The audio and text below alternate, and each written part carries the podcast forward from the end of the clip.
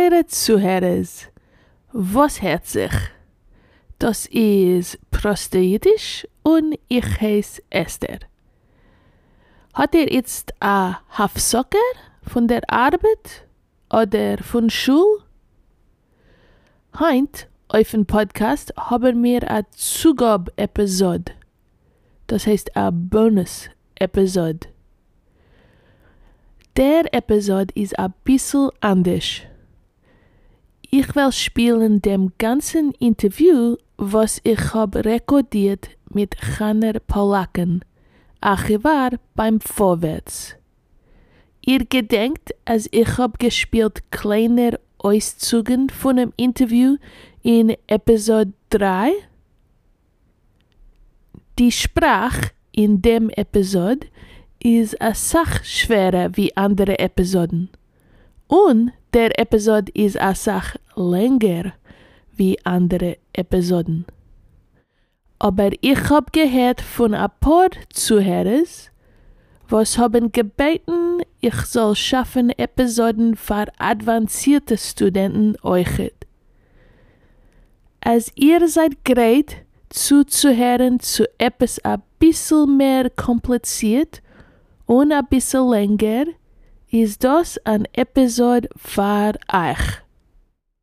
In einem Interview redet Hanner wegen die Geschichte von Vorwärts, a jüdische Zeitung, und wegen dem Archiv, die Bilder, was gefunden sich im Archiv, und die queere Geschichte, was sie hat getroffen im Archiv. Es ist gewesen ein Vergnügen zu reden mit Hannen und ich hoffe, dass der Interview wird euch sehr gefallen.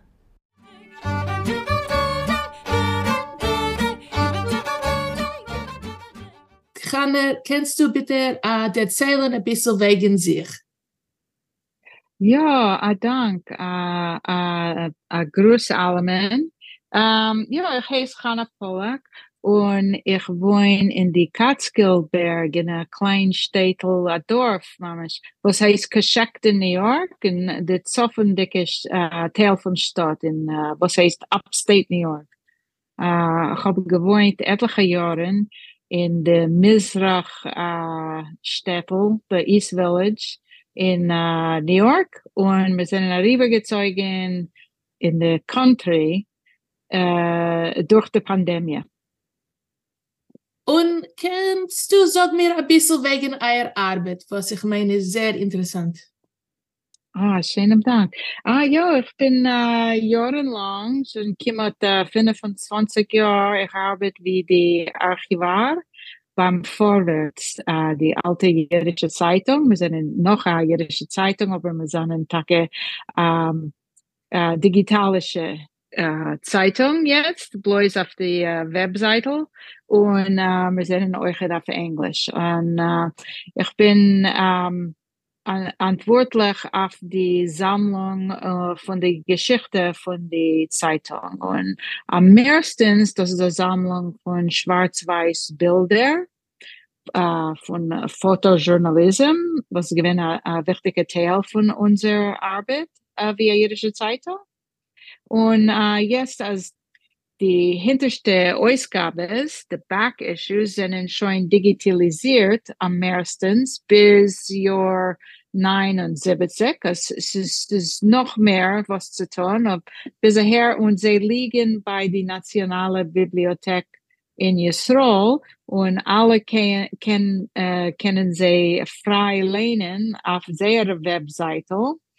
Ähm, als jetzt, äh, ich vernehme sich eure das Sache mit Forschen unserer Geschichte. Äh, zu lieb, ähm, Kololei Siebes sei von ähm, die äh, neue Schreibers bei unserer Englischabteilung. Wir arbeiten zusammen zu schaffen archivalische Journalismus und äh, sei für meine jüdische äh, Kollegen was arbeiten noch in Jiddisch und euch ich entweder Sachfragen Forschers um, von Umetum, sei Schreiber, sei Akademiker, sei uh, Künstler und so weiter. Ach, es klingt wie ein prächtiger Leben, wohnen zwischen die alle Geschichten. für die, was kennen nicht, uh, wie alt ist der Vorwärts? Ja, dank. Um, unsere Zeitung ist gegründet geworden im April, 22. April uh, 897 in, auf die uh, niedrige uh, Mizrach-Seite, the Lower East Side von New York. Und um, wir sind in Ariba etliche Mal, Ariba gezogen etliche Mal, sei von der Lower East Side bis die Midtown und um, am letzten wir sind in noch einmal uh, Downtown, aber uh, leben uh, Wall Street. Mhm. In die, uh, was hat geheißen, the Financial District, aber es ist euch wo a Sach, um, uh, wie sagt man, uh, Non-Profit Organisations euch uh, sind dort. Ah, sehr interessant. Kennt ihr erzählen ein bisschen wegen die Oizes, was befinden sich in einem Archiv? Ja, warte. Dus du, ich meine, ich habe geredet schon wegen, uh, am meistens unser Isoven, wenn man sagen, ist, Tage, und was wir arbeiten zu raten, ist die Fotografies. Also wir stehen auf um, herum, etwas 30.000, wir meinen bis 40.000 schwarz-weiß Bilder um, was ja und viele um, uh, glaserne uh, Negativen. Heißt es mamisch von Samme Onheb von Zeitung und die letzte you know Jahren von der 1800 als um, wir haben um, uh, Bilder und und die um, Negativen von von die äh, Stamme Onheb von Zeitung.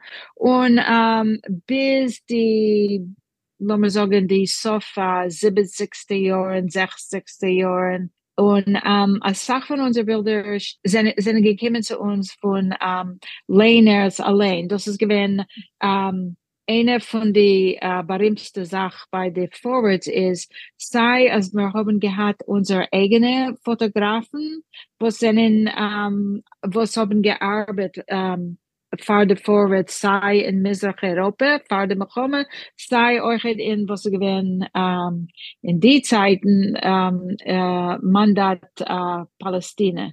So, hm. uh, wir haben gehabt Fotografen wie uh, Katziz, alter Katzizne ist er berühmte und ich meine von seinen Sovon ist er ein Buch, uh, was heißt Poilen von Jevo.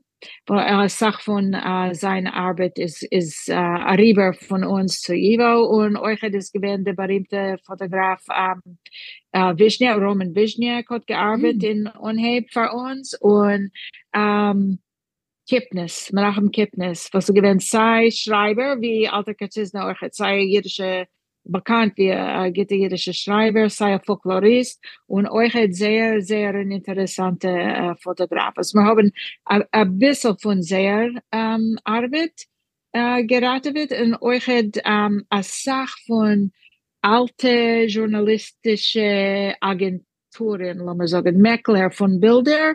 In die hm. Zeiten vor der Ersten Weltmilchama und zwischen die dicke Jahren. So, uh, Bilder, was sind gekommen zu uns von Russland, Marshall, uh, noch der Revolution, ein bisschen vor der Revolution, um, Bilder von uh, London, Bilder von berühmten Sozialisten, aber der, was sind gekommen, um, zu besuchen unser uh, historische Redaktor Abraham Kahn ist gewesen sehr wichtige Persönlichkeit in um die Welt in sozialistische Organisation, jüdische Organisation. Also Menschen sind gekommen zu besuchen. Uh, New York, sie sind gekommen befragt zu haben eine Begegnung mit Abraham Kahn in, in der Vorwärtsbindung. Es haben Bilder, solche Bilder und viele um, jüdische uh, Theatermenschen. Uh, wir haben eine Sache um, von den, wie sagt man auf Jiddisch? Headshots. Von ah, die, weiß um, ich, etwas ein Porträt, ja.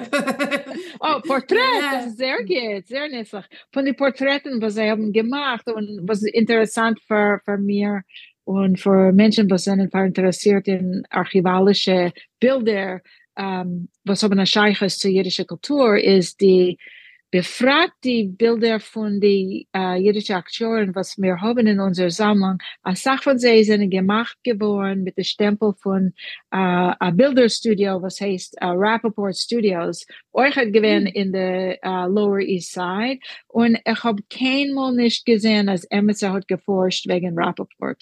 Und eine oh. Sache, Sache, Sache von den Bildern sind gekommen von seinen Studios. Es ist du als auch äh, in Jonen, wir haben eine as a Rei, a klein Reibilder von einer Fotograf, was hat geheißen Irving Berkey. Und wen, wenzig, wenzig, wenzig ist geschrieben wegen ihm. Und er ist gewesen, a Samin uh, Figur, was ist a Rieber von jüdischer Zeitung zu jüdischer Zeitung arbeitet mit Bilder für sie. In dem Sof von seinem Leben, ich habe jetzt uh, gelernt etwas, a kleine etwas wegen ihm. Uh, in der Sof von seinem Leben hat er um, gewohnt in, uh, in Florida. Right, weil die Arbeit mit jüdischen Zeitungen und Bilder ist, ist verkleinert geworden, ja, mit der, yeah. mit der, der, die moderne Zeiten. Und er ist arriba zu sein, ein Porträtfotograf in, um, um, in einem Geschäft in, in Miami. So, oh, es ist uh, interessanterweise wegen Menschen, die sind unbekannt. Und sie, sie haben eine Sache, ähm, eine Sache gemacht mit der äh, Visualkultur von, von ähm, der jüdischen Kultur. So. Ja, und habt ihr euch ein Klangenarchiv mit Rekodierungen und die Sachen? Uh, wir haben in, in der Geschichte von Forwards ist ja gewesen, ja, sehr wichtige um, Radiostantie, WEBD hat das geheißen und um, als Sache von den Materialien uh, sind schon arriba sei zu Jivo und sei, ich meine, um, zu, sein auch bei der uh, Nationale uh, Bibliothek von Congress, Library of Congress von den mm. Vereinigten Staaten, durch die sehr, sehr wichtige Arbeit von um, der Klangarchivar Henry Sopasnik.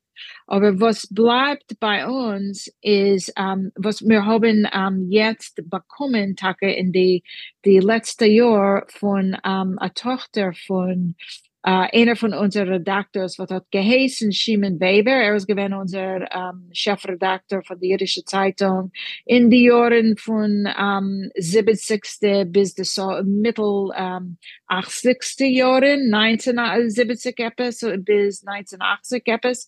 Um, er ist gewesen unser Redakteur und um, jetzt auf der letzte Jahr ist seine Tochter Lillian gekommen zu uns und breitherzig über zurückgegeben, ähm, etwas in 60 Taschmes, was er hat gemacht auf WEVD in die 70. Jahren, wenn er hat gehabt, ähm, Radioprogramm wegen jüdischer Persönlichkeiten. Und er hat mhm. gemacht Interviewen mit ähm, sehr ähm, Menschen in jüdischer Kultur, sei Literatur, sei gesellschaftlicher Leben. Aber Lemaschel Chaim gerade, wir haben äh, ein Interview zwischen Weber und Grade, Elie Wiesel und viele ähm, Basheva Singer.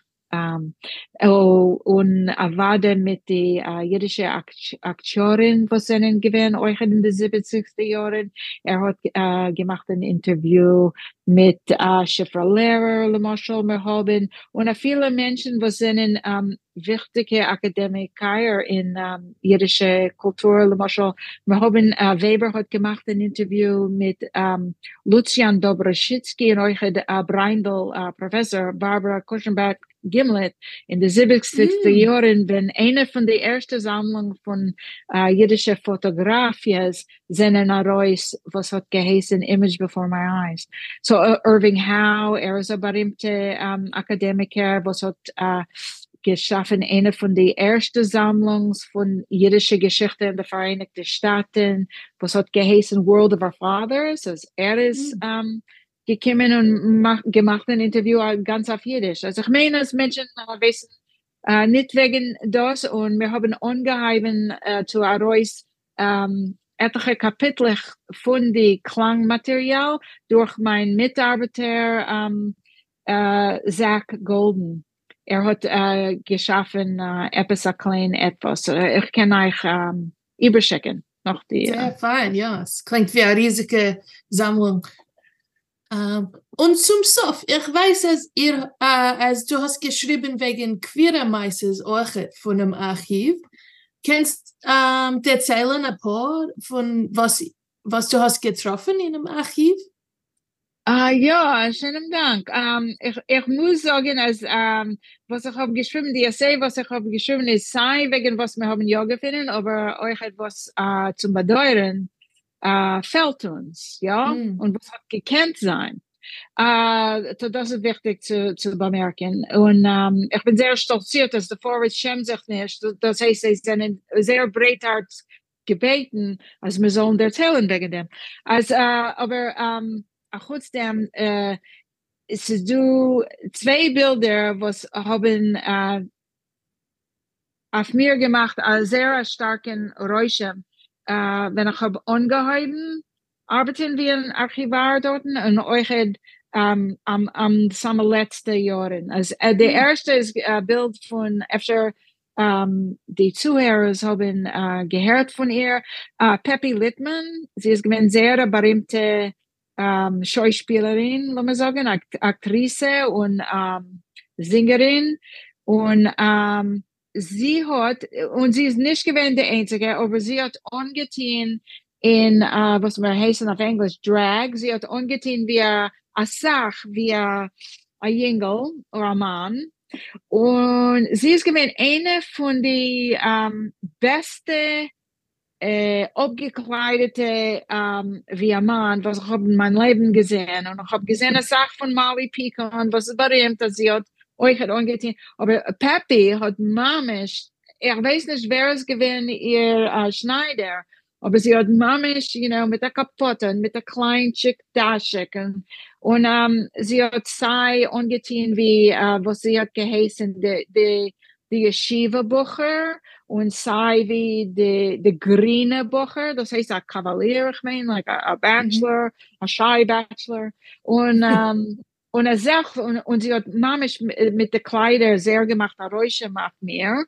Und ich meine, ich bin nicht der Einzige, weil mit der, ein paar Jahren zurück ist, äh, ge, äh, gewendet zu uns, äh, zu kaufen eine Kopie von den Bildern von Peppy Littman.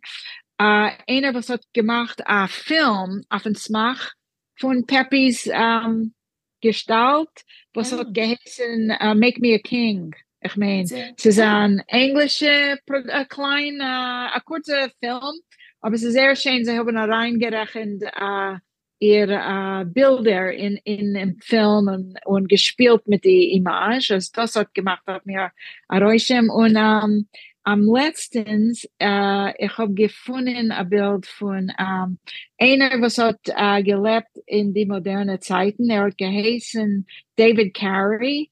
Und um, zum Bedeuten, er ist uh, tragisch uh, gestorben von AIDS, uh, wenn er sehr jung war, etwas um 40. Aber er, in sein Leben, er, er hat gespielt als Sache, als Sache in die moderne Zeiten, in den 80. 70.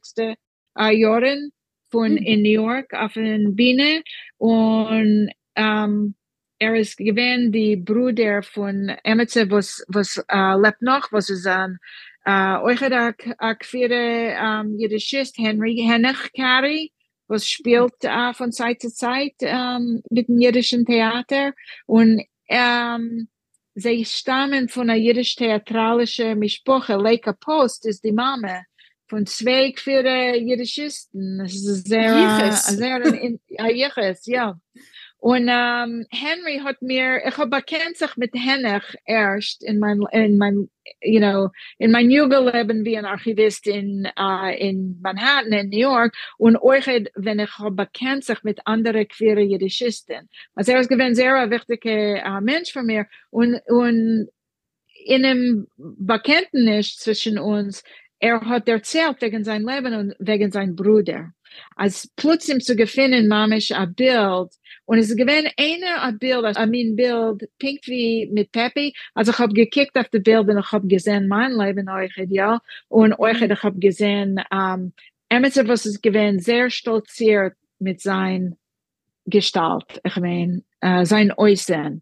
Als, ähm, das hat für mir geöffnet, hier, Und von David Carey habe ich ungeheiden äh, Trachten wegen dem. Und also habe ich äh, geschrieben dem Essay auf den Smach euch als in die ganze Zeit, wo wir haben gearbeitet zu forschen, wir forschen eine Sache von der Geschichte von den Bildern in unserer Sammlung, habe ich gesehen in die alte Zeitungen, haben sich schon von den 20. Jahren eine Sache Bilder, wo sind nicht um, gedruckt geworden, weil sie sind you know, ein Teil von jüdischer Geschichte, lassen wir sagen, aber weil sie sind Chikavas. Mm. Uh, curiosity. Als sie sind eine Sache von die, um, was man kann sagen, unsere Ancestors. Als die erste uh, Anpleckung von Bildern, was sind in Arois und Zeitungen wegen, oh, das gewinn, uh, you know, Edna, um, Brittenden uh, hat gelebt wie ein Stolier vier Jahre in Los Angeles und keiner hat gewusst, dass sie ist mamisch Freu. Und, you know, sie hat, uh, sie ist gewinn, uh, sie hat gearbeitet und gelebt wie ein Mann, uh, bis sie haben sie unplugged gewonnen, ich mein. Und, ja. um, euch in den 30. Jahren, ist gewesen Mark Weston, einer hat geheißen Mark Weston. Und uh, er ist gewesen ein berühmter uh, Athlet in England, sehr berühmt von um, Track and Field. Und um, er hat gemacht, ich meine, einer von den ersten um, Transitional uh, Surgeries. Und mhm. als er hat uh, geboren wie ein Mann, hat er Hassene gehabt mit seinem Geliebten, also das ist gewesen der Meise für die Forwards auf der ersten Seite in Episode 30. Also das ist gewesen um, ein Teil von meiner Arbeit, wie ich vorher habe es gesehen. Mm. Und plötzlich, also ich habe geschrieben dem Essay, ich habe getracht, you know, es ist eine Geschichte von Bildern, was die, die Forwards hat euch uh, gedruckt. So ich habe sie um, zusammen uh, zu neu geklebt. Ach, sehr wichtige Arbeit. Ja. Is gut. Um, es ist gewesen uh, so interessant zu hören ein bisschen wegen was uh, liegt in Archiv. Um, hast du etwas anderes, was du willst übergeben für jüdische Studenten oder andere, was hören sich zu?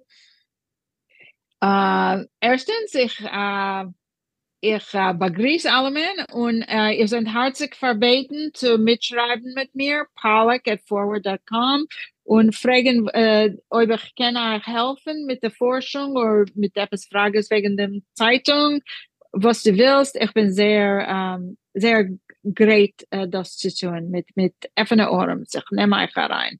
Und äh, zweitens, ich will, ähm, ich sagen, als ähm, Tracht wegen seiner jüdischen Archivar ähm, via via Karriere. Es ist, es ist äh, ähnlich zu seiner Bibliotheker, aber nicht. Es ist ein bisschen um, anders. Und um, ich meine, als uh, jüdische Archivaren sind für mich gewesen sehr wichtig in mein, um, mein Lernen Jiddisch und mein Verstehen die, um, die breite Welt von, von Jiddischism, sei von den Menschen, was sind innen Bilder und sei von den Menschen, was arbeiten, gedei zu raten, die Bilder. So, sie sind ein sehr uh, wichtige Personen wie Leo Greenbaum in Jivo, ist gewinn sehr wichtig für mich und Christoph Fischer und es ist du herum die Welt, uh, wo wir, wir, wir gefunden uh, jüdische Äußeres, als es steht hinter sie an Archivar. So. Ja, gut zu gedenken, ja. Die Sachen kommen nicht von gar nicht. ja zu Menschen. Um, ein großen Dank von werden mit mir und für, für deine Arbeit in, in dem Archiv uh, meines, ja, es, de, ja, Dienst allen, was einen interessiert. Ein großen Dank. schönen Dank, weil Sie hast geforscht und gefunden mich und, und hast mich heraus von Archiv. Schönen Dank. Und das ist gewesen unser erster Zugab-Episode für advancierte Lerners. Ich hoffe, dass ihr hat nur gehabt von dem und wir wollen sein zurück mit einer gewöhnlichen Episode in einer Woche rum. Seid gesund!